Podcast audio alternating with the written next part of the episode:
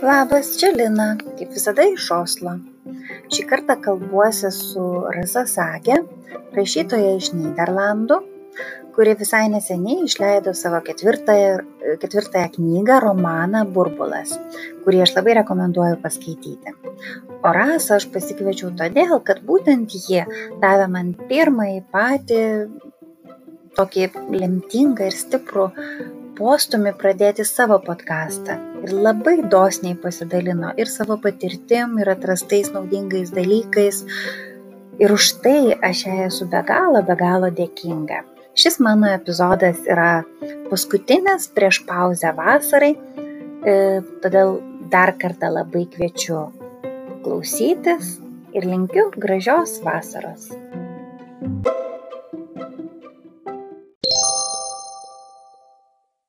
Labas, Rasa. Labas, Lina. Smagu tave matyti. E, dabar pirmą kartą aš kalbuosiu su kažkuo, kas gyvena Olandijoje, su, su emigrantu iš e, Olandijos. Ir man labai smagu, nes mano geografija tik po truputėlį plečiasi. Nu, šiaip reikia sakyti Niderlandai, žinok, dabar jau jie pyksta, kaip, kaip Sakartvelo reikia vadinti Sakartvelo, tai Niderlandus reikia vadinti Niderlandais. O aš žinok tiesą pasakius vis niekad nežinojau koks yra skirtumas. Aš girdžiu kad norvegijoj visada sako nederland mhm. ir lietuvoj sako kartais nyderlandai kartais sako olandija. O koks yra skirtumas tarp dviejų pavadinimų? Kodėl nyderlandai yra geriau?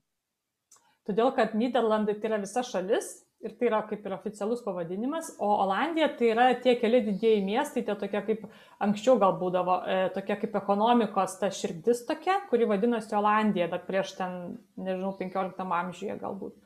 Ir tie žmonės, kurie negyvena Olandijoje, tuose didžiuosiuose miestuose arba tų miestų regione, tai jaučiasi, tipo, kodėl jūs vadinat mūsų šalį Olandiją, kai mes Olandijoje negyvenam. Pavyzdžiui, pietus, šiaurė, tai yra Niderlandai. Visa šalis yra Niderlandai. Tas pats, kaip sakytum, jungtinė karalystė, ar ne? Tai reiškia, yra tie regionai, kurie susijungia į vieną karalystę. Tai vad, Niderlandai yra tas bendras pavadinimas, Olandija yra vienas regionas. Taip galima pasakyti. Niekada to nežinojau, aš kažkaip įsivaizdavau, kad tai yra tokie sinonimai ir kas yra įprasčiau tą ir pasakai. Tai, aha, nu gerai, dabar žinosiu, tai jau nebesakysiu šitaip. Bet iš tikrųjų labai jokinga, kai sako uh, Niderlandai, bet žmogus tai yra Olandas, ar ne? Ir aš čia rašiau tokį interviu e, literatūrai ir menui ir ta redaktorė išvertė, nu, ta prasme, pataisė Olandas, parašė Niderlandietis. Aš sakau, nu, bet kažkaip, nu, nesąmonė. Kas sako Niderlandietis? Tai palikom Olandas. Tai įsivaizduoji, kad šalis Niderlandai, bet žmogus Olandas. Tai kažkaip dar tie tokie dalykai turi kažkaip išsispręsti kažkada. Tai. Nes pagalvojau, su jungtine karalyste tai mes galim sakyti didžioji britanija galim sakyt jungtinė karalystė kas tinka. Didžioji britanija irgi suprantu ne visai tiktų nes tas apima daugiau šalių iš tikrųjų ta karalystė jungtinė. Bet daug kas sako anglija anglija bet anglija taigi tik lygiai tas pats tai o žmogus tada sakai britas ane? Bet jeigu anglas tai gali būt labai neteisingai. Jo, čia žodžiai. Taip ir o kaip tau šiaip patinka gyventi Niderlanduose jūs jau ten dviejus metus su šeima ar ne? Taip, mes dabar jau beveik dviejus metus su šeima, bet prieš tai aš gyvenau viena dviejus metus.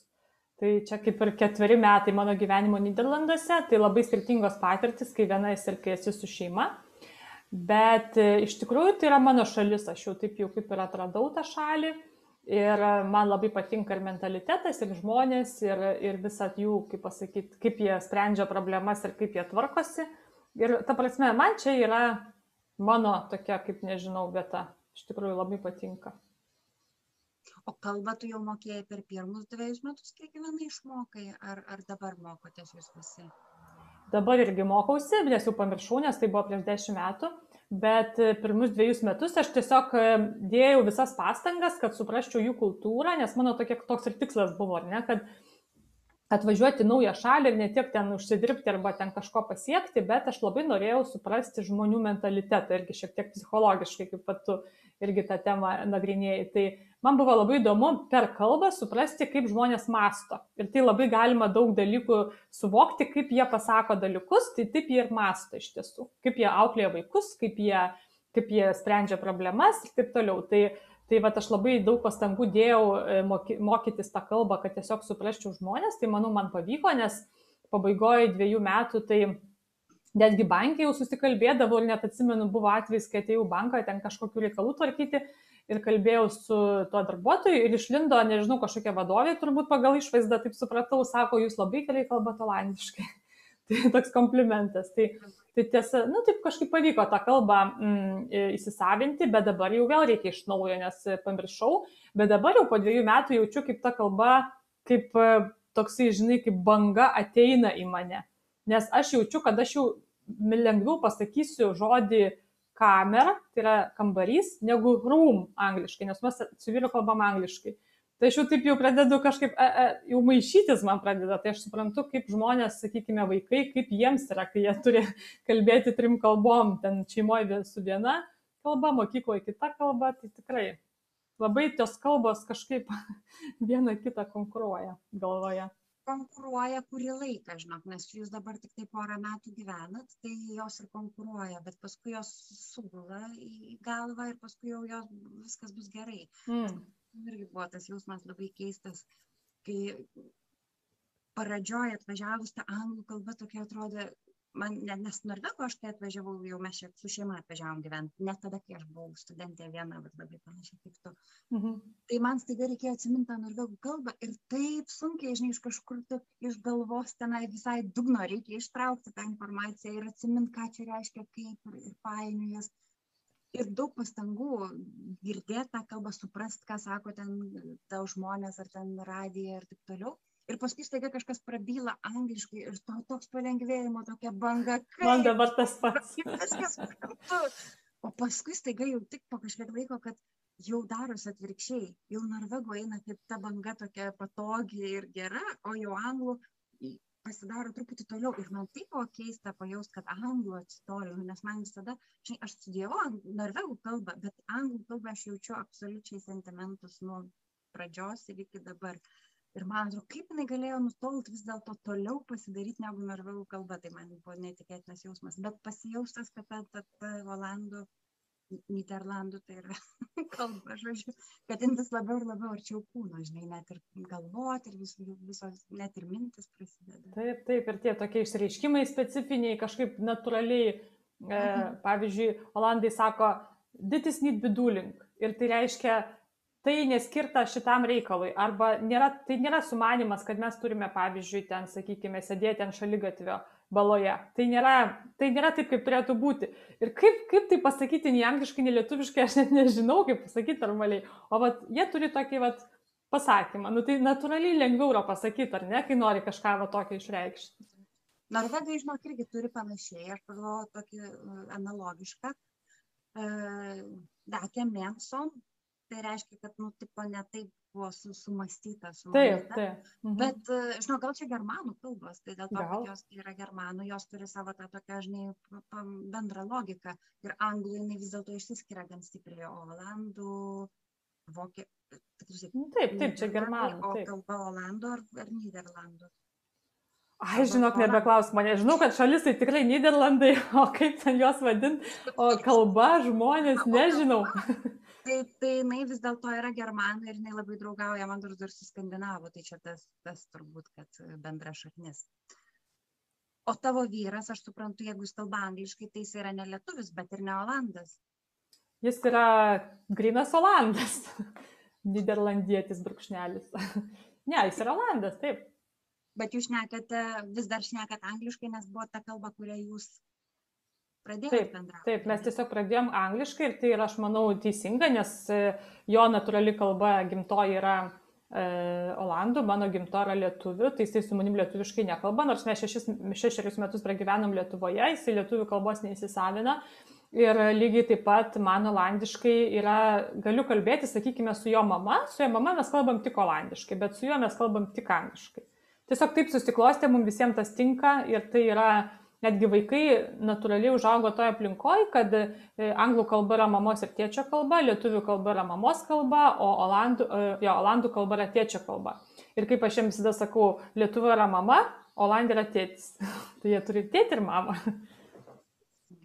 Taip labai daugam yra mišriose šeimose, nes tada yra natūralu, kad jūs turite ir tą kažkokią vidurinę kalbą, kuri yra bendra jums, tai jūsų lingva franka, o vaikai tai irgi priima, priima visiškai natūraliai. Na nu, ir aišku, jiems tik pasikeitė, kad iš pradžių gyveno Lietuvoje, dabar Olandijoje. Bet... Ir kas juokingiausia, kai mačiau tavo, skaič, e, klausiau tavo vieną iš epizodų, kai kažkas pasakė, man ar tavo pašnekovė, ar tu, kad, kad vaikai tarpusavį žaidžia tą nu, bendrąją kalbą, ar ne? Ir aš pradžiu taip galvoju, kokia nesąmonė, vaikai šešis metus pragyveno Lietuvoje, gimė Lietuvoje, visa, kaip sakyta, branda pagrindinė vyko Lietuvoje Ir jie po kokių, nežinau, gal 3-4 mėnesių pradėjo žaisti olandiškai, nu, kalbėti tarpusavyje. Sakau, nu čia tai tikrai. Bet aš ten biškai paburbėjau, paskui galvoju, nu ką aš padarysiu, nieko.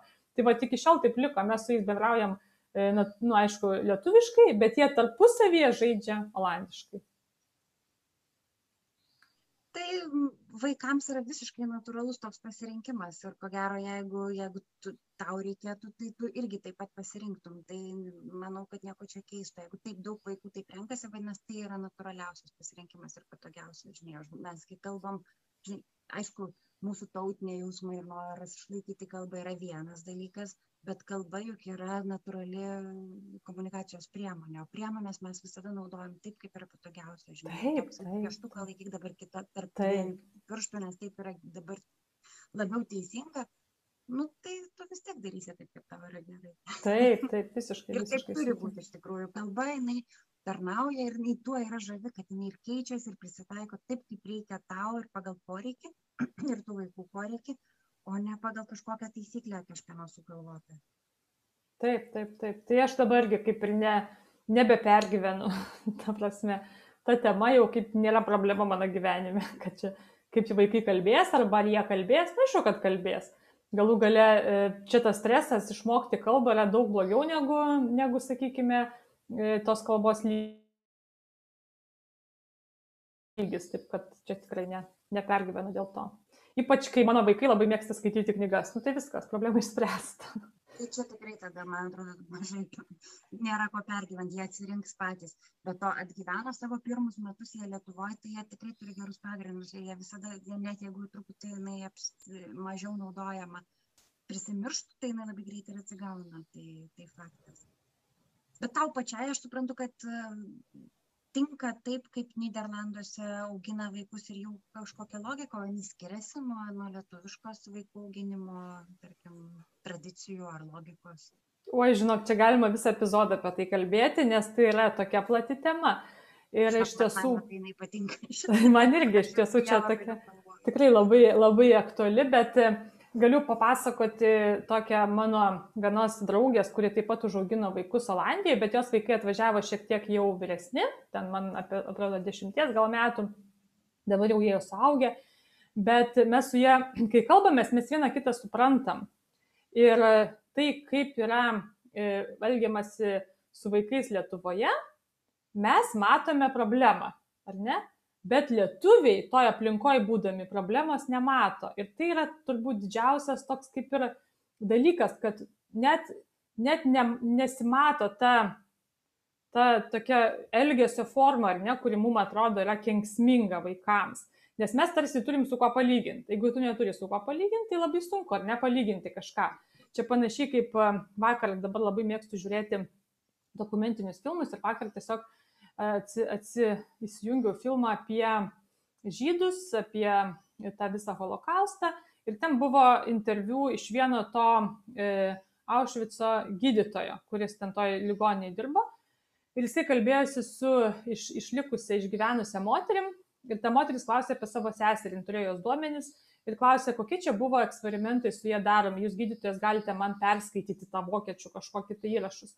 O jisai sako, tai kad čia viskas normalu, čia viskas gerai, čia geri tyrimai. O jinai klausė, bet kodėl jinai mirė, kas jai buvo, kas atsitiko, jin tiesiog nori žinoti. O jisai sako, kiek jinai laiko išgyveno. šešis mėnesius. Sako, tai čia viskas normalu, šeši mėnesiai Aušvice yra normalu. tai va tas toks, žinai, požiūris, kad, nu taigi čia viskas normalu. Supranti, tai, tai tas pats su vaikų auginimu. Tarsi tu net, tu net nesuvoki, kur yra kažkas ne taip, kol tu nepamatai, kad, nu, čia nenormalu iš tikrųjų. Tai, tai vat, Tai ką, ką aš galiu pasakyti, čia aš net negaliu konkrečiai nieko pasakyti, bet tikrai yra skirtumas.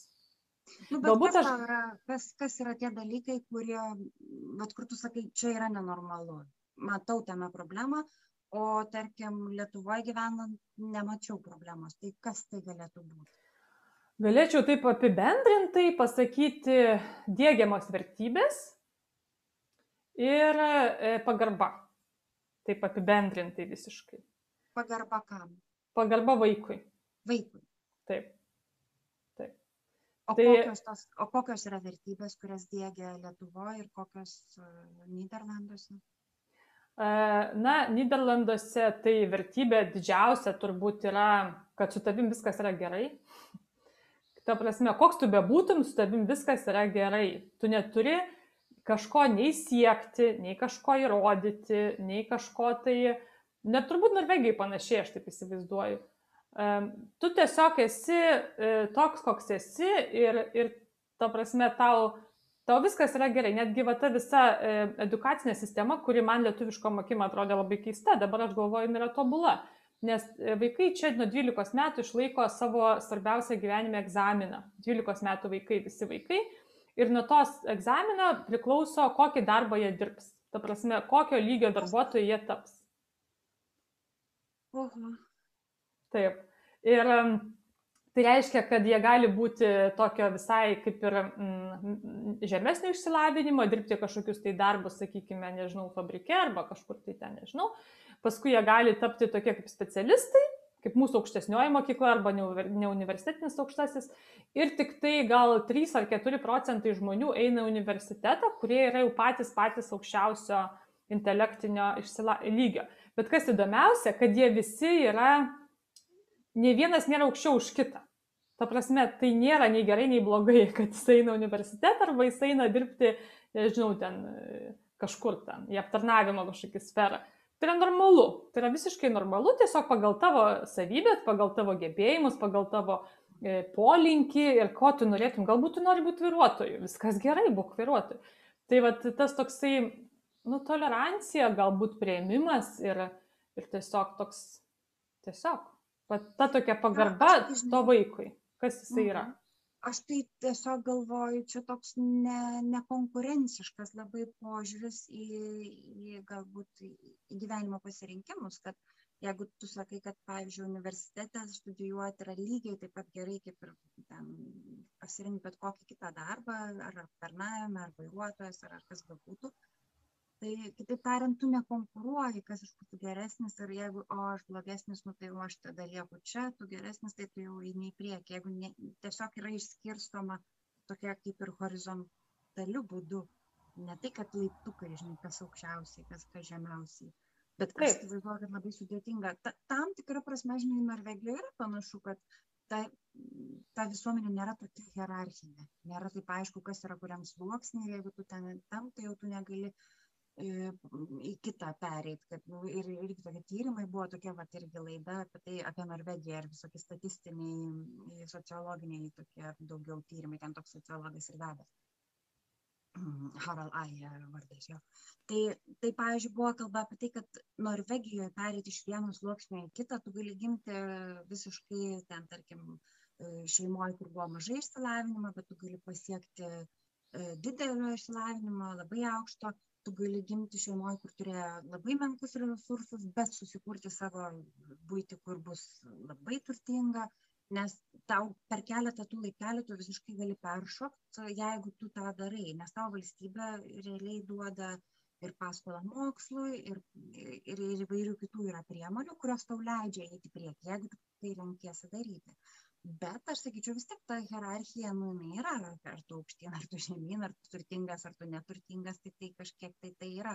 Bet tai nėra taip afišuojama tai nėra taip taip akivaizdžiai taip sakant į akis metama ir to tokio kad lietuvoj pavyzdžiui matai o vat elitas tai gyvena šitaip o jau paprasti žmogeliai tai jau ne, nieko tokio panašaus nemato ir negirdi. Tai čia tas galbūt yra skirtumas.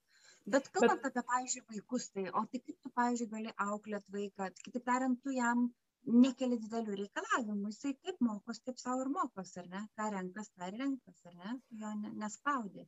Jo, ir dar pasakysiu prieš tai, dar noriu replikuoti apie tą, kad hierarchija, tai Šiaip Olandai labai to didžiuojasi, iš tikrųjų, ta savo sistema ir, ir jie netgi turi daug tokių posakių, kad, kad e, tikrai e, nereikia išsiskirti, kad tu ten kažkoks esi protingesnis už kitus. Ir jeigu, sakykime, kaip jie jokauja, jeigu tu ateini su mėgstiniu į darbą, kuris ten Prancūzijoje, ten kažkur Paryžiuje, ten buvai kelionė ir nusipirkai už kokius 500 eurų ir kažkas sako, gražus mėgstinis, tai tu taip turi atsakyti, ai, čia skudurinė 3 eurus mokėjau. Tai toksai visą laiką, kad, nu, tai nėra reikšminga visiškai.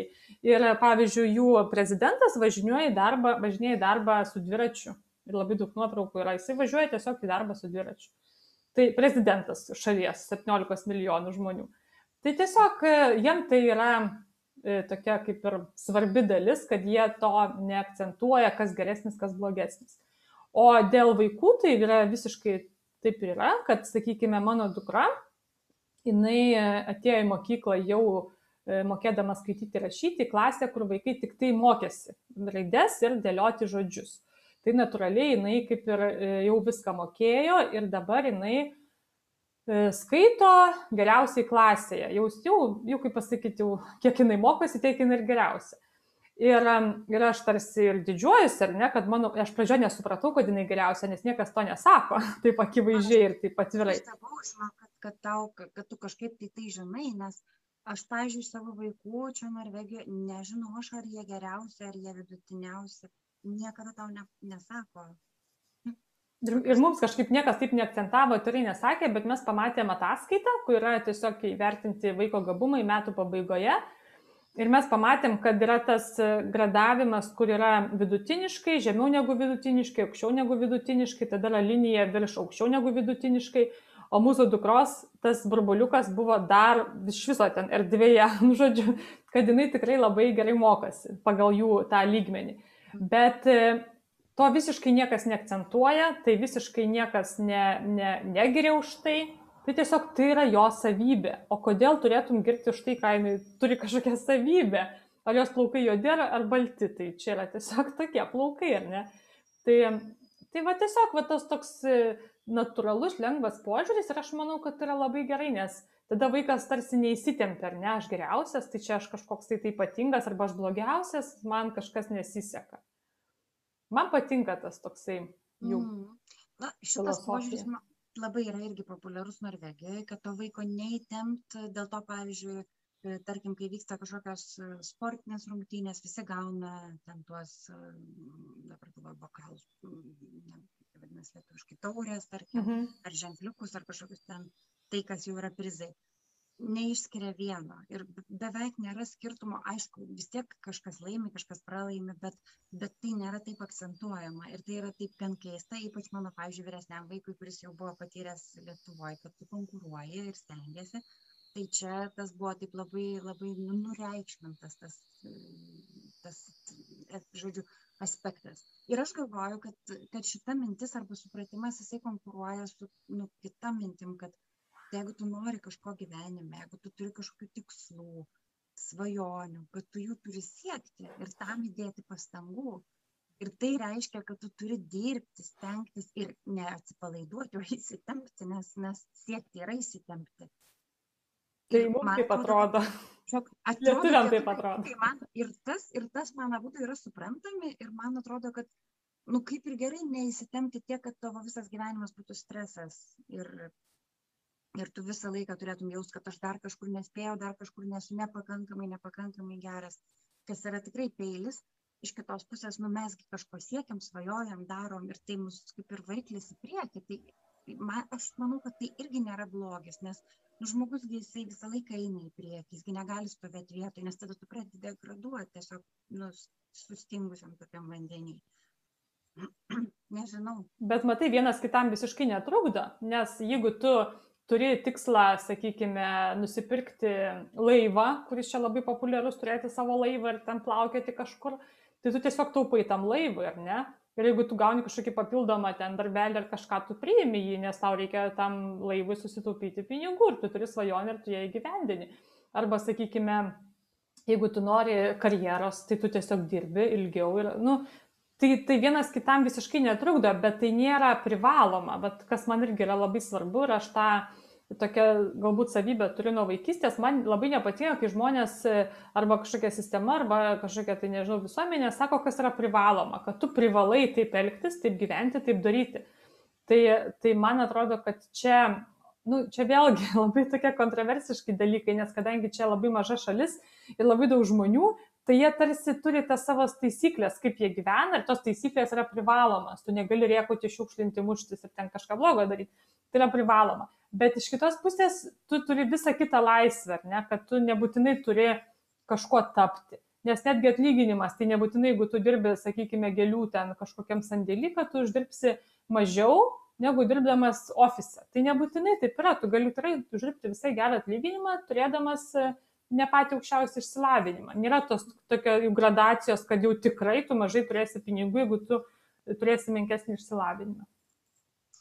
Dar šalia to, kad jeigu tau kažkas yra privaloma, tai juk šalia eina ta mintis, kad jeigu tu nepasiekiai, jeigu tu neturi ten to laivo, tai tu tada nevykėlis. Ir tai yra ta antra pusė tamsioji, kad jeigu tik tau kažkas nepavyksta gyvenime, tu taip pat nukrenti nuo svarstyklių ir, ir, ir čia yra, man atrodo, psichinės veikatos Lietuvoje dalis, kad, kad labai, labai, labai sunku visą laiką, kad tau sektųsi. O jeigu tau kažkas nepavyksta, jeigu tu taip žemai tada iškart krenti ir taip stipriai susimuši, tai nenuostabu, kad kažkam, kažko, kažkieno yra truputį ta psichika jautresnė. Ir kas įdomu, dar e, Niderlandai yra moterų šalis, kai aš sakyčiau, Lietuva yra vyrų šalis, tai Niderlandai yra moterų šalis. Tai čia, kaip pasakyti, e, valdo moteris. Turiu omeny ne, ne tiesiogiai ar ne valdo, bet e, moteris čia yra e, tas žmogus, kuris reguliuoja. reguliuoja įsimą, taip, taip, taip. Nu, sako, aš Norvegiją dabar galvoju, jeigu tu sakai Lietuvoje vyrai, tai aš suprantu, kad tu turi galvoje tą tokią truputį labiau galbūt tradicinę. Patriarchalinė galbūt ar ne tokia visuomenė. Į Norvegiją, aš žinau, yra kažkokia lygybė, man atrodo, nepasakyčiau aš, kad čia moteris ar čia vyrai, žinau, kad ir tie, ir tie, jie čia reguliuojasi. Nu, va, reikia pagalvoti, žinai, niekad negalvojau, ar Norvegija yra moteris ar vyrai. Bet dabar e, pakalbėjome apie migraciją, nes man tai šitą temą labai yra įdomi, bet E, man įdomu ir tai, ką tu dar veiki, o tu dar veiki daug dalykų. Pavyzdžiui, kuri podcastą apie žmonės, kurie kūrė, e, taip kaip ir tu pati, tu rašai knygas. Ir aš podcastą pradėjau e, nusižiūrėjus nuo tavęs, tiksliau pasisėmus drąsos, kad nu, noriu ir daryk, ir aš vilkdavau, noriu ir, ir darysiu, ir, ir darau. Tai vat, man, man dar įdomu ta, ta tavo dalis, dalis, kodėl aš suprantu kad tu pati parašei knygą apie tai kaip rašyt knygas ir išleist knygas ar ne? Tai tau rašymas yra svarbi dalis ir tu pati išleidus keturias knygas du tris dabar jau romanus. Taip taip. Trys mhm. romanai. Tai tai tau rašymas yra svarbi dalis bet tu pasirinkai kaip komunikacijos tokią formą podkastą neblogą blogą tu irgi rašei bet bet bet galiausiai pasirinkai ir podkastą kodėl tau pasirodė tokia. Iš tikrųjų, tai aš turiu tokias dvi, galbūt dvi tas savo pusės, tokias asmenybės, ar ne, nes rašymas tai yra labai uždaras darbas, tu, tu esi vienas, tu rašai, tu kuri, tu tam savo pasaulyje gyveni ir tarsi tas pasaulis yra visiškai atsiribojęs nuo kito gyvenimo, nes tu jį turi sukurti nuo, nuo nulio, tą savo knygos pasaulį, istoriją, kažkokią romaną parašyti. Tai čia tokia kaip ir viena dalis ir tarp kitko labai daug rašytojų yra, yra introvertai, ir jie tiesiog gyvena savo pasaulyje ir rašo puikius kūrinius bet aš esu ekstravertė. Tai aš esu rašytoja ekstravertė, kuri nėra labai dažnas atvejs. Ir man būtina yra bendrauti su žmonėm, aš labai pasisėmiu, labai daug gaunu iš to bendravimo. Ir, ir tiesiog man yra būtina tą kitą savo gyvenimo dalį skirti tokiam vat, bendravimui. Tai todėl man kažkaip tai, kai aš pradėjau rašyti, tai yra visiškai mano, mano kaip pasakyti, pašaukimas ir mano sritis, bet man labai trūko bendruomenės, tokios, vat, su kuriais galėčiau pasikalbėti apie rašymo niuansus ir kažkokias problemas, arba kažkokius tai e, blokus, arba kas ten betsitinka, ar neberašant. Ir pradėjau nuo to, kad tiesiog, kaip tu sakai, vat, prieš pokalbį, kad podcastas tau labai yra puikia priemonė kalbinti žmonės, kurie tau yra įdomus. O man lygiai taip pat mano knygos, sakykime, išėjo pirma knyga, tai buvo puikia priemonė kreiptis į žmogų ir paprašyti jo interviu būtent apie knygas, ar ne? Rašytojų, būtent rašytojų, kurie, kurie rašo. Tiesiog galbūt aš ir šiaip galėčiau prašyti, bet tai buvo man psichologiškai toks kaip leidimas, kadangi aš jų pati rašau, tai galiu ir paklausti. Tada pradėjau imti interviu iš rašytojų. Tiesiog susisiekdavau su žmogum, kuris man įdomus ir, ir mes su juo susitikdavom, aš rašydavau ten tiesiog tą mūsų dialogą ir dėdavau į internetą, į YouTube, tokius vat, kaip ir epizod, epizodėlius. Tai man buvo didžiulis toks lūžis, kaip tu sakei, va, timu darau, tai man irgi buvo tai baisu, tai baisu. Ir pirmas atvejis, atsimenu, tai buvo baisu, ten viskas ir nepavyko, ar nesigavo, bet kažkaip persilaužiau į tą, į tą pusę, kad aš galiu kalbinti žmonės ir man tai yra įdomu ir aš labai pasikraunu. Jeigu aš rašydama išsikraunu, atiduodu energiją, nu man taip yra, tai aš kalbėdamasi pasikraunu ir tada gaunasi ta harmonija balansas. Va, ir ėmiau, ėmiau tos interviu ir tų interviu pagrindų, tiesą sakant, ir gimė ta knyga, nes aš tuo metu jau buvau parašiusi du romanus ir tiesiog jaučiausi, kad labai daug turiu sukaupus informacijos, tiek iš pokalbių, tiek iš knygų, tiek iš įvairių ten masterclass ir taip toliau, ko aš ten esu prisižiūrėjus, prisieškojus. Na ir tiesiog surašiau viską, ką žinau tą, į tą knygą ir plus įdėjau 33 autorių esė, kaip jie parašė savo pirmasias knygas tokias labai atviras, nuoširdžias esė man jie parašė ir įdėjau tą knygą. Na, o paskui, kadangi mes išvažiavome į Niderlandus, galvoju, nebeliks mano rašytojų istorijų, jos vadinasi rašytojų istorijos. Ir, ir tada galvojau, reikia man podcast'o, bet vėlgi, kaip ir tu sakai, nedrįsau, nedrįsau, galvojau, čia tiek daug problemų, čia tiek reikia technikos išmanyti, visko tiek daug reikia bet kažkaip tai galų gale galvoju, imsiu ir padarysiu. Nu, jeigu kiti žmonės padaro, kodėl aš negaliu padaryti? Tai kreipiausi į keletą žmonių, kurie kūrė podcastus, tai labai buvo tokia nemaloni patirtis, galiu sakyti, nes viena manęs paprašė pinigų, sako, tai yra mokama informacija, kad aš tave parodyčiau, kaip kūriamas podcastas. Kitas žmogus iš viso nesuprato, ko aš iš jo noriu, ko aš ten klausiu, net, ką aš čia to galiu pasakyti, nu kurk ir kurk, nu ką tu nori sužinoti. Tai žodžiu, kažkaip niekas man taip nepadėjo, bet man padėjo YouTube. YouTube tai yra visa informacija, ką nori gali išmokti. Tai aš tiesiog taip, viską gali išmokti ir, ir valgyti daryti, ir, ir ką nori gaminti. Tai, va. tai ten tiesiog pasieško informacijos, kaip žmonės kuria podcastus ir pasirodo nėra taip, taip sudėtinga. Ir aišku, be abejo, mano tema liko ta pati apie kūrybiškumą, tik tiek, kad aš išsiplėčiau ne tiek, rašyto, tiek rašytojais, kiek apskritai žmonėms, kurie kūrė. Tai ir ir aktorius, ir režisierius, ir visokius ir rašytojus, ir dainininkus, ir šokėjus, kalbinau įvairius kūrybiškus žmonės. Dabar jau yra, man atrodo, 19 epizodų ir padarau vasarai pertrauką, o kitais metais grįšiu su nauja tema, su nauja energija vėl. Bet kūrybiškumas ir kūrybinis tas vis tiek bus elementas, ar ne? Manau, kad taip, nes mano podcastas vadinasi ir nėra kūrybai pabaigos, pagal getę žodžius. Ir iš tiesų tai yra vis tiek susijęs su kūryba, nes, kaip ir sakiau, ta mano idėja kurti podcastą buvo tam, kad pasidalinti mintimis ir pasikrauti tą energiją iš kūrybiškų žmonių, kurie susiduria, vis tiek kūrybiški žmonės, visi su tom pačiom, su tais pačiais klausimais ir motivacijos ir pinigų ir taip toliau, nu klausimai tie patys. Tai tiesiog vat, apie kūrybiškumą, kadangi aš pati dabar kaip ir kuriu, kas, kas kas liečia mano tą veiklą, ar ne, kas neliečia asmeninio gyvenimo. Tai va tiesiog taip ir gaunasi, kad ta mano tema yra. Mm. Tu ne kaip ir kuri, tu jau išleidai keturias knygas, tai čia jau yra daug. Čia jau yra rimtas reikalas. Čia, žinai, ne tik vieną, manau, vieną knygą gali parašyti beveik bet koks žmogus. Nu, gal ne visai bet koks, bet daug žmonių. Bet kai jau tu parašai ir antrą, ir trečią, ir ketvirtą, tai iš tikrųjų jau yra šis tas. Ir tavo paskutinė knyga burbulas man labai patinka pavadinimas ir man patinka viršelis aš dar jos neturiu ne, ne, turiu pasakyti, kad neskaičiau, bet... Už mano nugaros matosi. Matau už tavo nugaros ir pas mane jau nekeliauja paštu iš, iš Lietuvos, tai aš nekantrauju paskaityti. E, bet tai yra fantastika. Tai yra visiškai žanras Lietuvoje, man tai jisai toks atrodo galbūt net mažiau gal žinomas, nors man atrodo, kad fantastikos mėgėjai, jie yra tokie žmonės, taip sakant, savo klubas. Nes mano tėvas mėgsta labai fantastiką, mm -hmm. jis pažįsta ir žino ir, ir mm -hmm. toliau. Tai aš tą knygą drąsiai dėl to užsisakiau, galvoju, nu jeigu jau man nepatiks, tai, tai vyrui užtat patiks fantastika. Bet tai yra tikrai toksai, sav, nu kaip, kaip ir kokie, pavyzdžiui, detektyvai. Tai yra toks specifinis žanras, jis nėra romanas, kuris gali būti, nu, beveik skirtas labai labai plačiai auditorijai. Mhm. Tai ir dar jisai yra apie pasaulį be vaikų. Tai kaip dabar mama dviejų vaikų staiga nusprendė sukurti pasaulį, kur tų vaikų nėra, ar tave jau užkniso negyvai. Sprendė rasti vietą, erdvę, kur jų nėra. Jo, jo. Taip, taip sumastėjai. Čia taip tiesiogiai galima suprasti, žinai, nes nieko ne, neįsigilinus, tai ta prasme taip tiesiogiai galima ir suprasti, kad čia be vaikų, tai reiškia, čia yra gerai. Pasaulis be vaikų yra gerai. Um, nu, taip kažkaip, vat, ne, galima tokia. Bet iš tikrųjų, tai, ką noriu pasakyti dėl fantastikos, aš nesu fantastikos kurieja ir tai nėra mano tema fantastika. Tiesiog taip išėjo, kaip išėjo, kad aš sukūriau šią knygą. Bet iš tikrųjų fantastai tai jos nepripažįsta. Ne visi, aišku. Ten vėlgi, kaip nori žmonės taip ir šneka.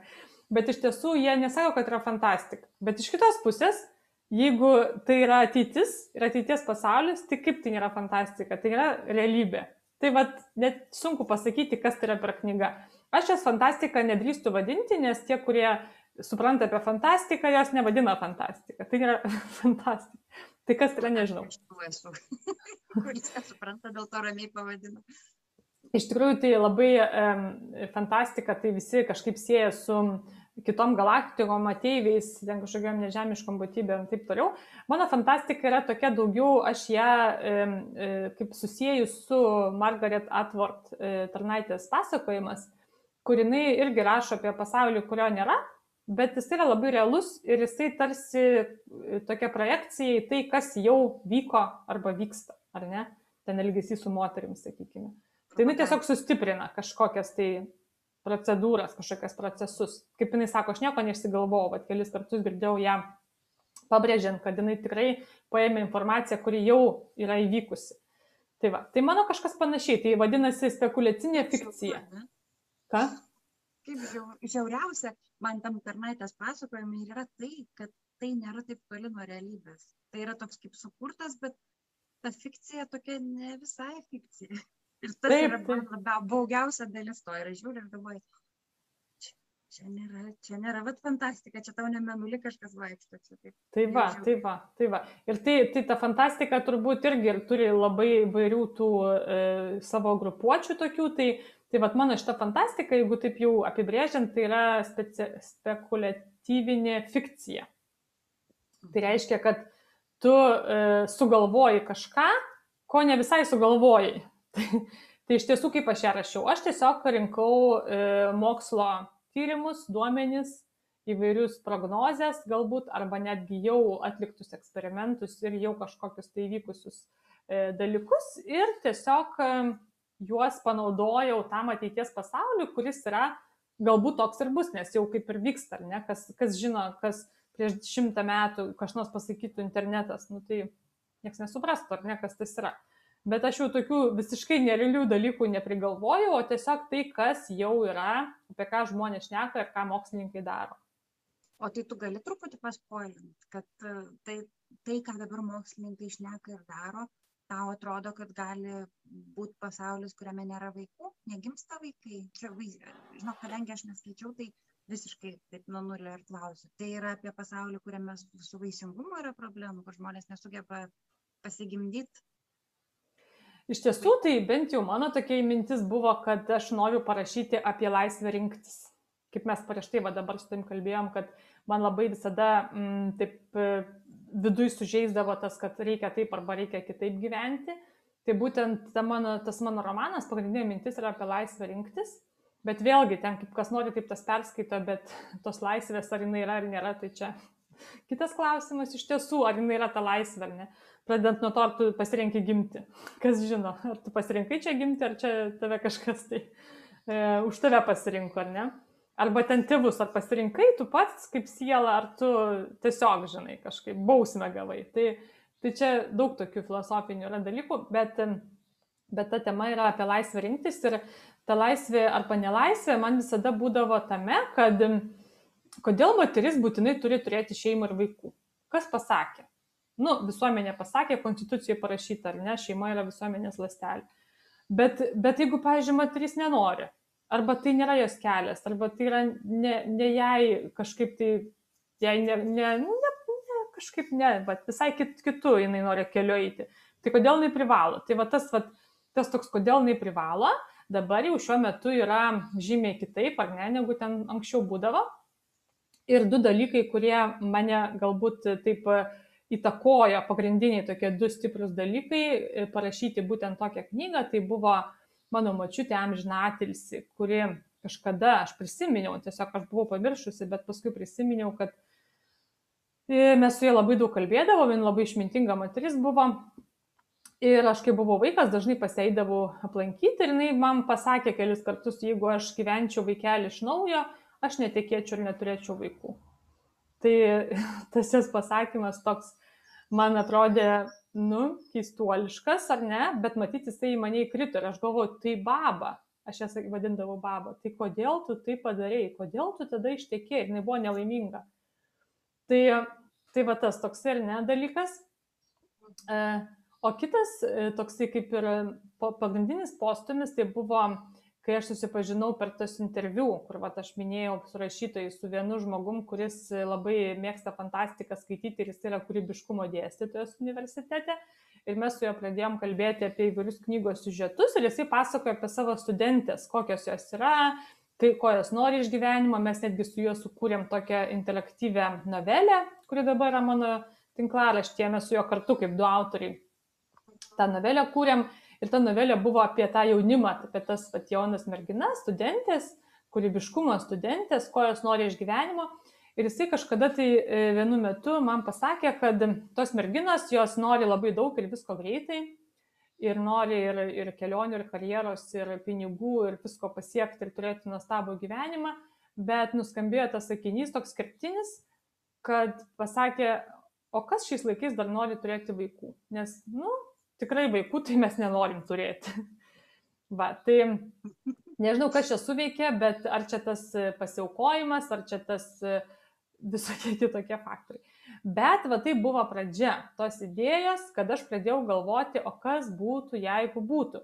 Jeigu žmonės tiesiog be jokio spaudimo sąmoningai nuspręstų, kad jie nori gyventi kitaip. Aš apsižvalgiu aplinkų. Tikrai yra labai daug žmonių, kurie tiesiog gyvena e, be vaikų ir, ir net neplanuoja, ne? Tai, tai tiesiog kas būtų, jeigu žmonės tiesiog nuspręstų, nes jiems pasirodytų, kad tai nėra e, tas kelias, kurioje nori eiti, tarsi privalomas kelias. Na ir tada pradėjau gilintis, ieškoti informacijos, tai yra tikrai tokia filosofijos kryptis, kuri vadinasi antinatalizmas, kuri sako, kad e, yra pagrindiniai du dalykai, kaip geris ir blogis pasaulyje ne visada veikia, tai yra malonumas ir kančia. Tai jeigu tu viskas vertum pagal tą svertą, kas yra malonu, kas yra kančia, tai vaikų niekas neturėtų. Nes e, malonumas ir kančia, kaip pasakyti, ne, nelygia verčiai. Ir, okay. Galima būtų pasiginčyti. Tai va, ir, ir tiesiog va, to, to, to filosofiją šiek tiek remiantis e, įvyko konfliktas ar ne knygoje, nes koks romanas be konflikto, tai yra pagrindinis pasaulis, kuriame nėra vaikų ir kuriame visi labai utopiškai laimingai gyvena, panašiai kaip Tomas Morė sukūrė utopiją savo laiku, tai aš irgi pabandžiau tokią sukurti utopiją, kurioje viskas yra tobulas gyvenimas, visos visuomenės problemos išspręsta, nėra jokių diktatorių, kurie groja be lėktuvus ir ten uždaro visokius žmonės, e, kurie kažkaip kitaip šneka. Ir tiesiog e, gyvena labai labai e, tokį jau visapusiškai resursais aprūpinta ir jokių konfliktų, kaip vat Niderlanduose kalbėjom, jokios konkurencijos, sakykime, ar ne į tą pusę, neturinti gyvenimą ir turi labai daug malonumo. Tie žmonės. Ir jie gyvena ilgai. Ir jie nemiršta patys, jie miršta tada, kada nusprendžia mirti. Nes jau technologijos yra tokios, kad tu gali pasirinkti nemirti. Tiesiog viskas yra išspręsta, netgi mirties problema. O, o kiti žmonės gyvena taip kaip mes, ar ne? Jie, yra, jie nenaudoja technologijų, jie turi daug vaikų irgi jie taip pat gyvena labai gerą ir laimingą gyvenimą, kol neįvyksta konfliktas tarp tų dviejų, e, sakykime, grupuočių. tai, tai va, tai va toks romanas. Įdomu, nu matai, nes iš karto kiekvienas žmogus, kaip ir aš dabar klausau, ir iš karto man, žinai, savo visos mintis susakyti, taip, čia yra taip, čia yra kitaip. Ir, žinai, ką aš atsiminiau, tokį vieną serialą e, žiūrėjau, kuris vadinasi The Good Place, nežinau, ar tu matėjai. Jis toks gan, nu, toks juokingas ir gana durnas, bet ten ta pati mintis, kad jeigu visi viskas būtų išspręsta, nu, tai ten yra, taip sakant, jie priejo išvados, kad, kad tai nebūtų toks jau tobulas pasaulis ir jisai ne, ne taip jau visus ir patenkintų, nors atrodo, kad turėtų tai būti. Bet suprantu, kad tavo, tavo romane yra tas variantas, kad jie neturi vaikų ir jie ten turi tik tai daug malonumo ir, ir tai nesukelia jam problemų, jie dėl to yra laimingi. Tai nu, man yra įdomu, kiek jie ten kodėl jie taip labai laimingi. Iš esmės, tai pagrindinė, oi, pagrindinė filosofija tų žmonių, ar ne, bet tos e, didžiosios visuomenės dalies, kadangi jie yra jau taip e, aukštai dvasiškai pakilę ir taip, e, kaip pasakyti, susitaikę su savim, ir jie tarsi nebeturi nieko rodinėti, ir jie yra tai, kas yra, tas toks na, filosofiškas, tas dvasinis toks būti, tiesiog būti, daugiau nieko nereikia tik būti, bet jų tarsi tokia e, e, sprendimas, devizas, tokia kaip ir visuomenės tokia jau bendra tendencija, kad mes neturėtumėm gimti vėl, ar ne, kaip, pavyzdžiui, pagal indų tradiciją yra ta reinkarnacija, kad tu vis gimsti ir gimsti ir gimsti ir gimsti ir tarsi, tarsi negali išsivaduoti iš to rato. Tai va tie žmonės, jie yra nusprendę, kad jie nebenori gimti ir jie tiesiog gyvens ilgai, turės labai nuostabų ilgą gyvenimą, bet jie nebegrįž nu, ta prasme, kaip toks devizas, palikime žemę ramybėje, žemė bus geriau, žemė bus geriau be mūsų, nes mes esame pagrindiniai visatos parazitai žmonėje, ar ne, kad visa visata yra labai harmoninga, tik mes čia kažką tai darom nesąmonės, pasižiūrėjus į istoriją ir visą kitą. Tai va tas toksai žmonių samoningumas nuspręsti nebesidauginti. Tai va tokia jų kaip ir pagrindinė, sakyčiau, tokia aukšto lygio mintis, ar ne? Ir e, jie galvoja, kad e, vaikų turėjimas yra instinktas, tiesiog kaip visi turim instinktus, kuri, kuris e, išnyksta, kurio nebereikia, mes jau nebereikia to instinkto, kad, sakykime, daugintis po savęs, palikti, palikti, palikti, palikti, nes kitaip išnyksim. Tai vad, kadangi jie susitvarkė su tuo išnykimo baime, tai jiems to nebereikia. Vat tokia, tokia ateities žmonių filosofija. Mano romane bent jau. Kaip čia bus, niekas nežino. Man tai labai toks kažkoks liūdėsys apima, žinok. Aš klausau ir man iš pasirodė taip liūdna, taip kažkaip niku, ne.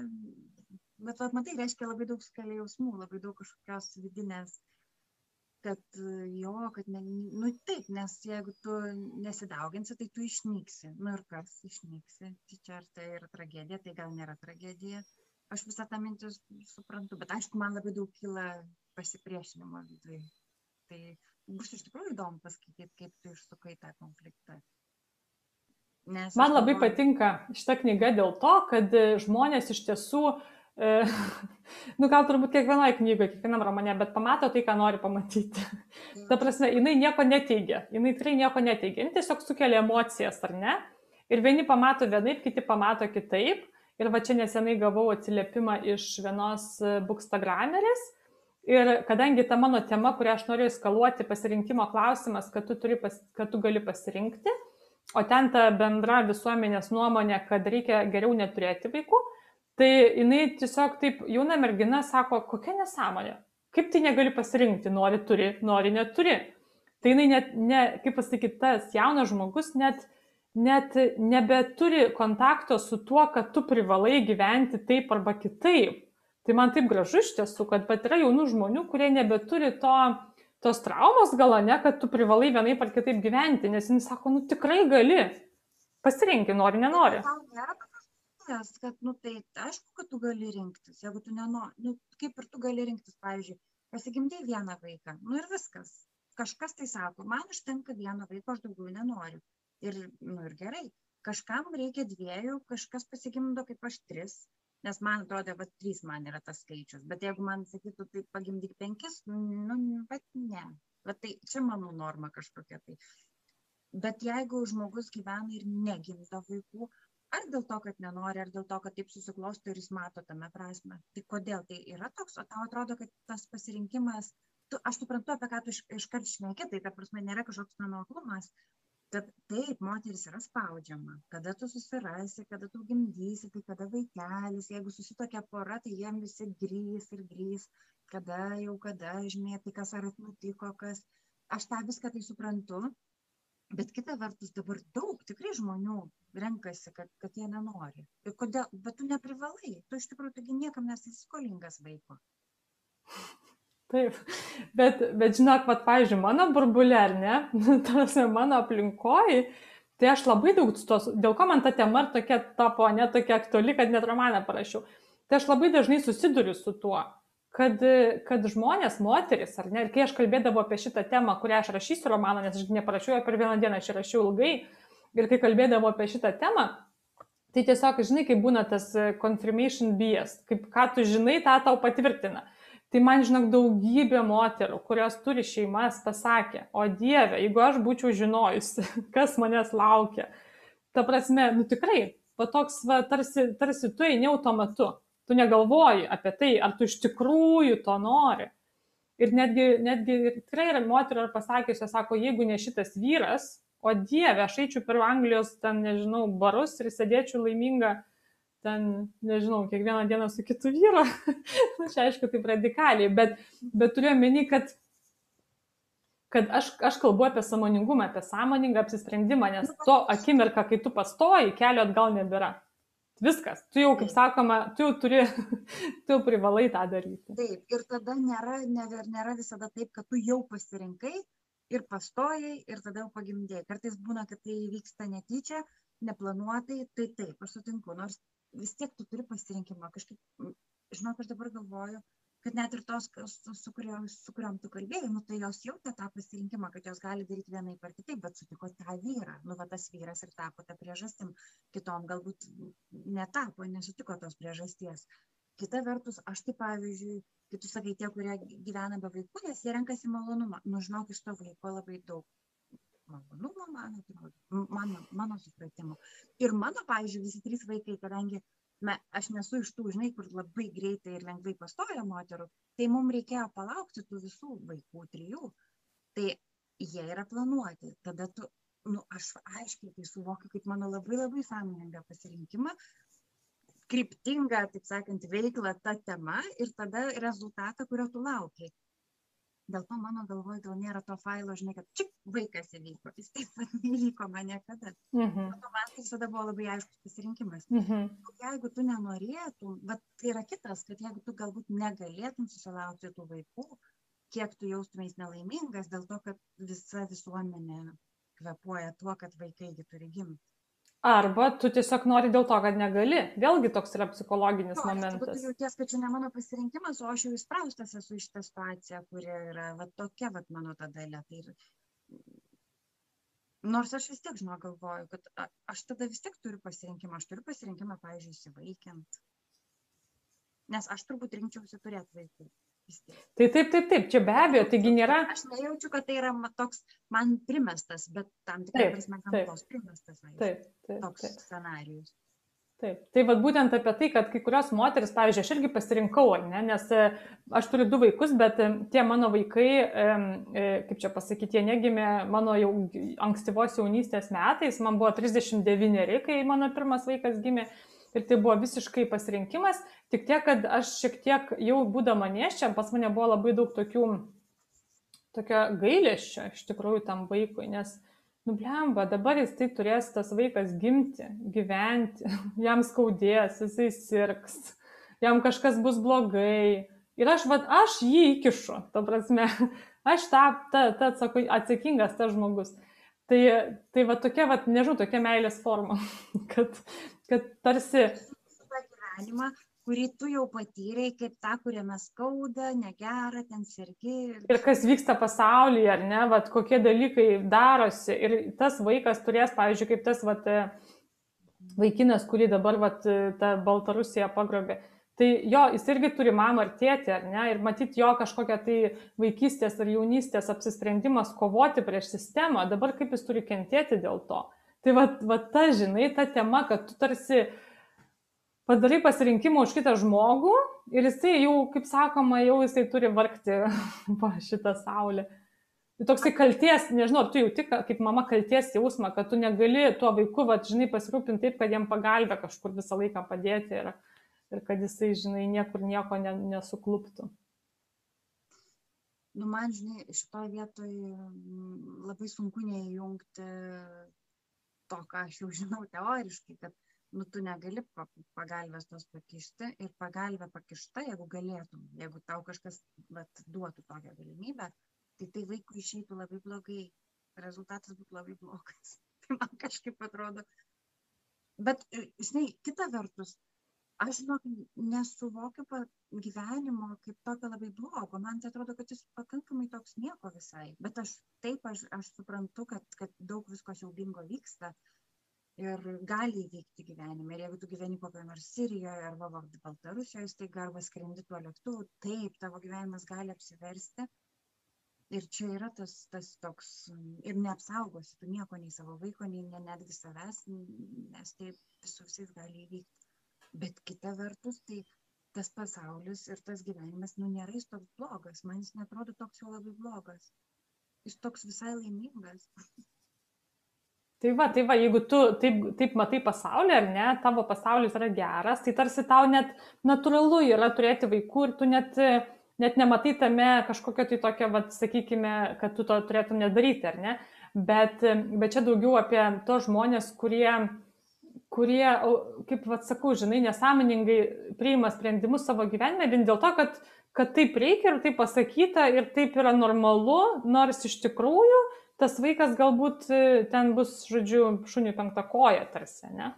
Tai va, tai tiesiog apie, apie tai daugiau, žinai, apie tokią laisvą pasirinkimą, bet tam mano romane vėlgi viskas susidėjo taip, kad, kad čia vėlgi tas klausimas, ar yra tas laisvas pasirinkimas, nes visi mes klausom žiniasklaidą ir, ir žiūrim ir turim savo instinktus, ar ne, kuriuos gimėm, paveldėjom ir, ir visa kita. Ir kiek mes čia iš tiesų renkamės, kiek mes čia turim tą laisvą valią, kaip žinai sako, kad žmogus turi laisvą valią, kaip vat, Biblijoje parašyta, tai vėlgi klausimai.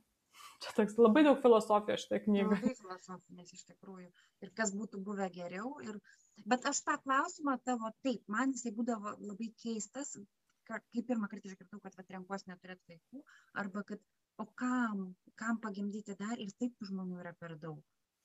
E, arba kad tokia nešvari, užteršta, mes užteršiam tą planetą, tai kam, kam dar, jie irgi bus teršėjai, tai galbūt geriau mažiau to daryti. Tai man atsimenu, pirmą kartą išgirdus tos mintis tokios atrodė, kaip taip kažkaip keistai, kaip, bet aš tą irgi suprantu. Ir tuo labiau, kai dabar ekologijos visi tie judėjimai, tai tame, ta, nu, kaip ir sunku tam paprieštarauti, taip visiškai taip jau nu argumentais, ar ne? Bet taip, taip. Ir, ir iš tiesų tai... taip, taip, bet iš tiesų tai, jeigu taip apibendrinus, tai vaiko gimdymas yra egoistinis veiksmas, nes mes norim save kažkaip išreikšti, ar ne? Mes norim. Ta prasme, mum to reikia. Tai yra visiškai egoistinis veiksmas. O jeigu tą egoistinį veiksmą, tarsi, jeigu tą egoizmą nuimt, tarsi, ne, vat, tu jo nebeturi staiga, ne, pasaulis kažkaip tai įvyko stebuklas. Va tada koks būtų sprendimas. Bet įdomu irgi šitas momentas. Jeigu tu pasigimdai vaiką, bet tu jo neaugini, pavyzdžiui, pats tu jį tiesiog pagimdai ir jis toliau ten auga, nežinau, auginamas technologijų, bet tu nesau, ne apie savo tą ryšį ir, ir tą malonumą, kurį tu gauni augintamas vaiką. Aš manau, kad tu tikrai daug gauni malonumą ir žinau, aš tai sakyčiau kitaip, kad sakai, jeigu žinočiau, kaip bus, tai negimdyčiau. Aš tai galvoju, kad kai jau sužinai, tai tada jau ir pagimdai ir antrą, ir trečią. Nes jau žinai, kad žiauriai daug gauni iš vaiko, žiauriai daug gauni iš to kūdikio, kuris duoda meilės ir tos tokios visiškai besąlygiškos, visiškai tokios šimtaprocentinės. Tai, nu, yra gana sunku atsisakyti, nes tai yra toks labai didelis, nu, Taip, taip, bet tai yra, nu, pripažinkim, kad tai yra egoizmas, nes ir bet tam romane rašau ir aš panašiai patyriau, kad kai susilaukiau pirmos dukters, ar ne, man pirmas buvo tas jausmas, nu, šimta procentų egoistinis, kad va dabar aš esu svarbi, nes mano vaikui aš esu mama. O kas yra mama? Pati svarbiausia gyvenime, ne? Pats svarbiausias gyvenime žmogus. Tai tie visi vyrai, žinai, viskas netaip svarbu. O kad tu turi vaiką, tu, tu, tu jau tu esi kažką mama. Tai vad, nu, toks egoizmas, kad jau tiesiog jau nėra kur kitur, žinai. Taip, aš manau, kad čia sutinku. Tai, tai yra, tame yra daug egoizmo, kad tu svarbi, kad tu mylima, kad tu gauni atgal žiauriai daug meilės. Nes vaikas neturi pasirinkimo, jam reikia išgyventi, jam kažkam, kažkas turi jo pasirūpinti, o tam, kad, kad jo pasirūpintų, jisai tą meilę savo duoda. Tai vėl toks, žinai, kaip, nu jis kitaip negali, jį turi maitinti kažkas, jį turi kažkas renkti, kažkas, jam reikia tos apkabinimo. Jis tiesiog, jis tiesiog bando išgyventi tą meilę duodamas. Absoliučiai. Ir vaikas e, visais, visais įmanomais būdais bando prisitraukti dėmesį, būti patrauklus, dėl taip, to tie vaikų veideliai tokie taip, panašus. Taip, taip, didelės akis, taip. Taip, ta prasme, čia yra daug gal gamtos, taip sakant, sugalvota, kad, kad taip įvyktų. Nu, tai va.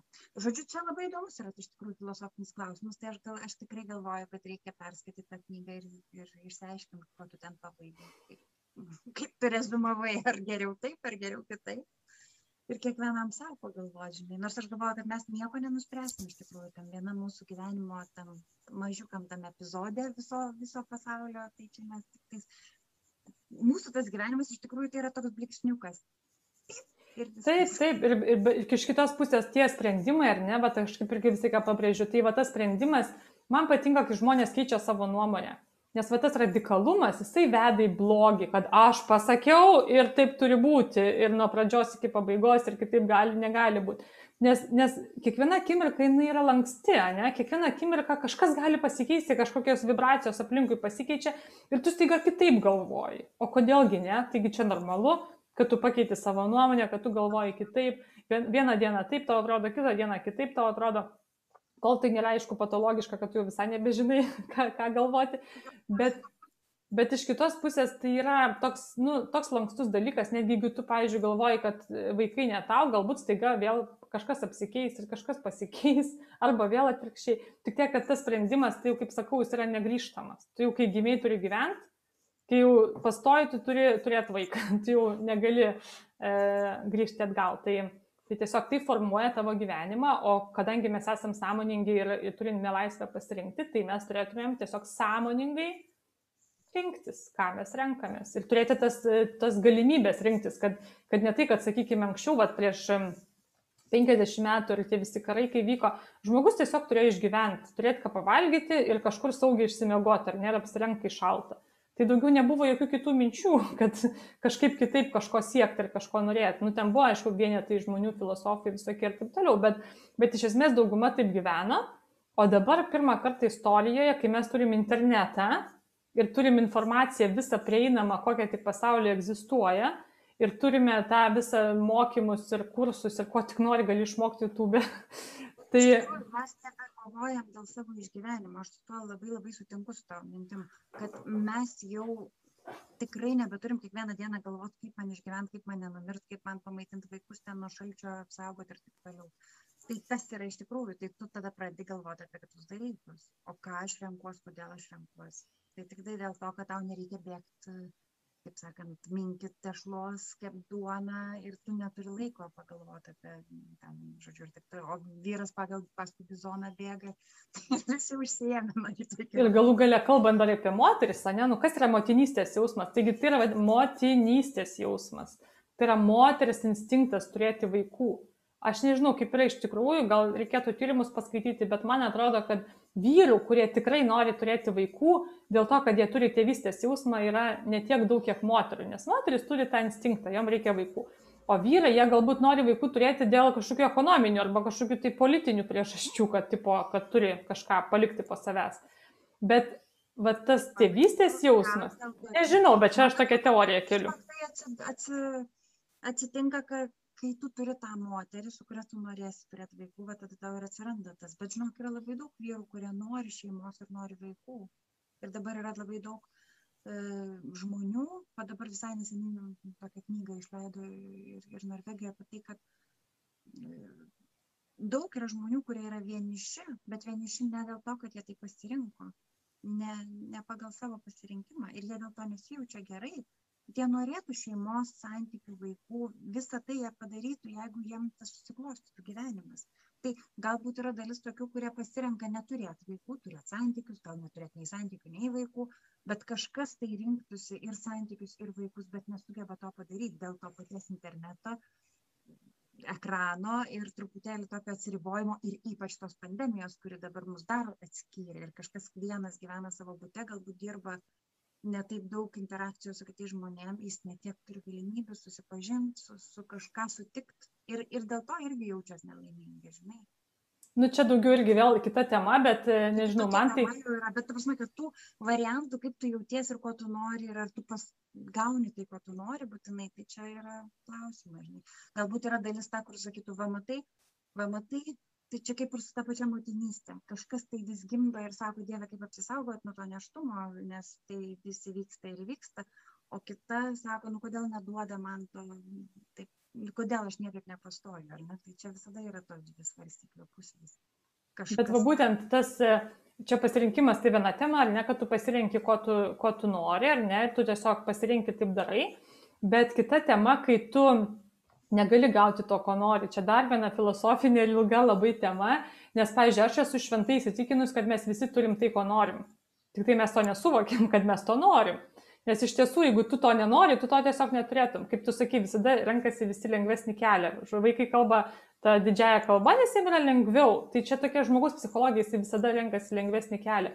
O kas blokuoja tą, kad tas noras išsipildytų, tai čia kitas dalykas. Reikėtų tiesiog padirbėti su savim ir suprasti, kas blokuoja, kodėl tu savo neleidi to turėti. Viskas. Labai elementarus dalykai. Nu žinok man atrodo kad tu čia truputėlį taip žinai tas kuris pavyzdžiui ten n metų bando pastot šeimos eina kryžiaus kelius. Nu jo gal gal ta jų priežastis tai gal ir nereikia pastot kodėl būtinai reikia nereikia? o gal jie ne į tą pusę eina tai galbūt aišku bet bet tiktai tiek kitiem žmonėm aš įsivaizduoju tu sunkiai įrodytum tai čia užsiblokavimas čia yra užsiblokavimas paprasčiausias užsiblokavimas akmenis, žinai, akmenis ant širdies, toks posakis labai gražus. Ta akmenuką reikia kažkaip nuridenti nuo širdies. Ir tada, o, lengva kvepuoti. Tai tavo knyga taip ir vadinasi, burbulas, tai man yra toks jausmas tas, kas kur lengva kvepuoti, nes burbulė tai oro visada yra. Arba ne, arba iškvepuotas oras burbulė. o be to burbulai sproksta. Jame tikrai yra oras. Aš sakau, žinok, šitą knygą visi perskaito, šitoj knygoje visi perskaito save. Tai va tas yra gražu, nes menas toks ir turėtų būti. Tai, ką aš norėjau pasakyti, tai dar yra niekas, nes aš parašiau ir mes esam lygiaverčiai partneriai, skaitytojas ir rašytojas. Rašytojas sudėliojo, o skaitytojas perskaitė. Ką jisai perskaitė, tai yra nesusiję su to, kas parašyta, nebūtinai tiesiogiai susiję. Ir jis gyvena savo gyvenimą. Aš manau, kad tai yra su dailė galbūt akivaizdžiau, nes piešia, piešia dailininkas, tą, kai jisai mato, o tas, kuris žiūri, jisai pamato savo. Ir, kaip sako, visada tu turi teisę tam paveikslį išvelgti tai, ką tu nori, tai, kas tau matosi. Jeigu paveikslą piešiantis dailininkas netą matė, nu, tai, tai nieko tokio. Taip, taip, tai, tai, tame yra grožis, iš tikrųjų tame yra meno grožis, nes tada, tada žmonės e, tiesiog gali save išreikšti, netgi nekurdami patys, bet tiesiog, kaip čia kažkas pasakė, taip nelabai gražiai, bet, nu, tiesiog toks yra išreiškimas, vartodami meną, jie gali save išreikšti, dėl ko žmonės skaito knygas, nes jie atranda save tose knygose. Ir kažkaip praturtina savo gyvenimą, ar ne, bet kažkokias tai mintis, e, pavyzdžiui, mano mama yra labai skaitytoja, jinai man įdėgė tą meilę knygoms iš nuo pat vaikystės, tai jinai skaito įvairiausias ten knygas, o, pavyzdžiui, Kazragytės knygos jai labai patinka. Ir jinai tiesiog, kai jinai va, perskaito apie Vilnių, jinai yra Vilnietė, arba ten apie kažką tai, kas susiję panašu jos gyvenimą, kaip tas žmogus jaučiasi, tai ta knyga labai patinka. Nes tada žmogus randa save, jeigu jis savęs neranda, jam nerezonuoja, tai ai bloga knyga, tada neįdomi. Tiesiog labai viskas paprasta. Kiekvienas pagal save, žinai, jo, jo, bet aš turiu irgi tą, kad tu prisilieti ir, ir nu, tai yra sąveika. Tu staiga gauni minčių, kurios yra ne tavo, bet kito žmogaus minčių ar, ar kažkokių minčių, kaip, pažiūrėjau, dailė, tai, tai tarkim išraiškos kažkokios. Ir tu staiga, staiga tu gauni tai, ko tu niekaip kitaip negalėtum gauti iš, iš savo aplinkos arba iš savo galvos. Tai, tai man tas yra pats, pats fainiausia. Ir kad tu pats kaip tu nori, taip tu tą ir apverti. Ir, ir čia yra tavo produktas. Iš esmės, ką tu matai, jau yra tavo produktas. O tai, ką žmogus kūrė, tai čia jo galvoj buvo. Ir taip mes vieni kitus veikiam, va tas man dar labai graži tema yra, kad mes iš tiesų kaip visuomenė, kaip žmonės esam kaip skrusdėlyno, va nes skrusdėlės skrusdėlynė. Mes visi vieni kitais esam susiję daugiau negu mums atrodo. Ir netgi mūsų mintis įtakoja kitų žmonių, nežinau, kažkokią atmosferą, kažką tai kuria aplinkui kažkokią aurą. Ir jeigu mes ten kažkokie pikčiūrinos, tai mes ir skleidžiam tą, ne, aplinkui save. Ir sakykime, su knygom tas pats. Rašytojas parašo knygą tokią, kokią jis jaučia, kokią jis nori parašyti. Ir jeigu ta knyga yra labai niuri ir kažkokia tai neigiama, ar apie kažkokią tai skleidžia tą blogą energiją, tai skaitytojai, kurie skaito ir jiem rezonuoja, bet jie pasiema tą, ne, kažkaip, kažkaip jie, nu, va, jie įsisavina tą energiją. O jeigu žmogus parašo tokią knygą, kuris šviesa sklinda, sakykime, va, mano pavyzdys labai yra nuostabi knyga, e, žmogus ieško prasmės, ar ne, nors jinai apie baisius dalykus, bet jinai tokia šviesi knyga. Tai va tą knygą perskaitęs. Aš žmogus... girdėjau apie ją, bet, bet dabar galvoju, kad aš, aš jos neskaičiau. Būtinai tai... paskaityk, žinok. Čia okay, numeris yra... vienas must read. Mm, Frank, man atrodo, Frank. Mm. Tai tiesiog įvesk žmogus ieško prasmės Ir čia, žinok, esu girdėjus, bet nesuskaičius. Taip, labai gerai, ačiū. Tai čia... Va, žmogus ieško prasmės. Viktor Frankl. Franklis, ai. Jo, jo, jo, jo. Taip, jinai jau mano sąraše yra, bet dar, dar ne. Tokia plonytė, mažytė knygutė, bet tokia. Tai panašiai kaip aš galiu pasakyti, kokios yra tokios top knygos, kurias aš skaičiau, tai žmogus ieško prasmės, akimirkos gale, mm, prasmė ir gale ir jėga, tokia knyga yra gale ir jėga. Ir, ir, nu gal tiek tam kartui, trys. Bet va, va tokias knygos, kurias tiesiog, tiesiog paskleidžia aplink tave, žinai, gėrį ir grožį. Nu ir tokių labai reikia. Tai Taip super klausyk tai be tavo knygos burbulas kurią aišku aš labai rekomenduoju paskaityti ir pati labai laukiu nes man įdomu kaip ten viskas vyksta. Dar turim tris rekomendacijas tai žodžiu labai gerai. Tiem kurie mėgsta skaityti knygas gavo dabar idėjų. Jeigu kažko dar neskaitė tai tai tikrai gali Ir čia iš tos serijos, žinai, kai atrodo, tu gyveni, ten kažkokį tai gyvenimą ir tau atrodo, kad tie dalykai yra savaime suprantami. Ten tos knygos yra visiems žinomos ir visi jas skaitė. Bet tu pakalbė su kitu žmogum ir pasirodo, kad jisai gyvena visai kitokį gyvenimą ir jisai nežino nei tų knygų, nei tai, ką tu žinai. Nes, sakykime, aš kartais bendrauju su žmonėmis, kurie nori parašyti knygą. Arba vat, viena tokia mergina susisiekė su manim labai, labai išmintinga, labai protinga, labai daug pasiekusi, kaip jinai sako, aš tik sugalvoju projektą ir jisai vyksta, didžio, didžiulio masto projektas, kažkaip tarsi viskas lengvai sekasi, sako, aš net nelabai žinau, ko man norėti, nes viskas išsipildo. Toks, va, tokia ir vėl problema, ko norėti, nes viskas išsipildo.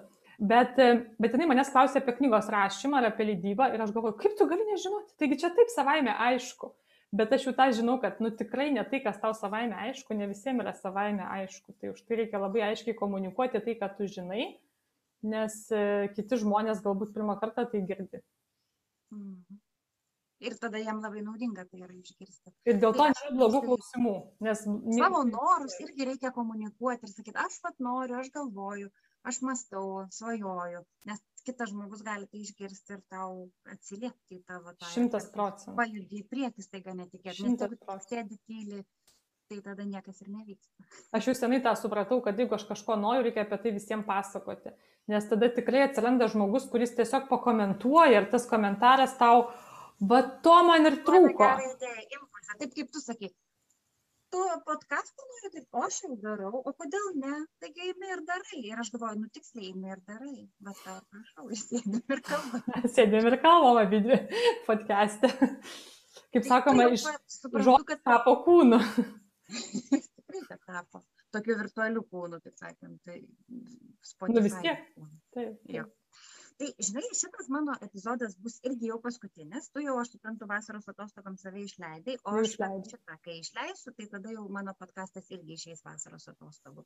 Tai kaip aš pradėjau kažkada inspiruota tavęs ir todėl, kad aš perskaičiau tavo pirmąją knygą, laimingi žmonės važiuoja, važinėja dviračiais, ar mėgsta važiuoti dviračiais, Keliauja. keliauja dviračiais. Ir aš tada kažkokį pajutau impulsą parašyti tau, kad, nu, kokia faina, šviesi, tokia gera knyga, kokia man savaitgalis buvo, kurį aš perskaičiau ir taip pakelia nuotaiką ir taip kažkaip buvo gerai. Ir vad, žiūrėk, ėmėm ir susipažinom ir iki, kiek išvirto kažkokių tai impulsų tokių savitarpio. Tai aš, žodžiu, esu labai dėkinga ir už tą knygą, ir už tavo tą padrasinimą, kur tu man va, taip va, pasukai mano irgi kažkiek. Ir dabar labai labai laukiu tavo naujos knygos. iš tikrųjų. Mane labai sudominai ir tai, man atrodo, idėja labai yra tokia, labai labai aktuali. O mano antroji knyga vadinasi Tavo likimo krašteliu einu. Tai va čia apie tai, ką tu sakai, tai va mes taip ir vaikštom, vieni kitų likimo krašteliais. Kažkas kažką kažkur pastumė, kažkas kažkur kažką patarė ir va taip vieni kitus ir judinam ir formuojam ir įtakojam. Ir tai yra labai gražu. Taip, ir tai sudaro labai didelę dalį to, kai- kai mes jaučiamės patenkinti, laimingi, save realizaciją. Ir kitką vienas išminčius toksai labai, labai išmintingas, jisai pasakė taip, kad e, vienintelė gyvenimo prasme ir pats didžiausias, aukščiausias tikslas, kokio tu gali siekti, tai yra ne kažkoks nušvitimas, meilė, laimė, ten nežinau, ko žmonės paprastai nori, ne, tai yra pagalba kitiems žmonėms. Jeigu tu vienintel, vieninteliu būdu tu gali tikrai lai, jaustis laimingas, padėdamas kitiems žmonėms, taip nuoširdžiai, su meile. Ne dėl to, kad tu nori gauti kažką, ne atgal, Bet vat, tai yra vienintelis kelias, kas mus veda į, į tą pilnatvę, tai yra pagalba kitiems žmonėms. Negoistinė, o tokia tikra, žinai, nuoširdį. Tai ačiū tau. Šitom gražiom mintim mes tada iškeliaujam į vasarą ir e, lauksim, žodžiu, vėl susitikimų rudenį, kai, kai, kai vėl visada užsisuks karuselė įprasta. Taip, sėkmės tavo podcast'ui, labai tikrai įdomus, aš jau perklausiau keletą epizodų, tai man labai patiko ir labai rekomenduoju, tikrai labai visi įdomus pokalbiai. Labai labai pavykę. Tavo Tikrai tokie iš širdies, matosi, kad tu kuri ne dėl to, kad tau e, reikia, bet dėl to, kad tu tiesiog tai darai iš pertekliaus, kad tavyje tai konkuliuoja. Nu, žinok, aš tavo tai irgi jaučiu, kad yra toks, tokia graži tokia kelionė. Tai, tai man bus irgi labai smagu klausytis. Aš turėsiu rudenį daug važinėjimuose, tai aš turėsiu laiko gero. sėdėti Mašinoje, kaip sakė, neklausai. Kaip aš mėgstu. tai ačiū tau ir iki tada, iki rudens. Iki, iki rudens.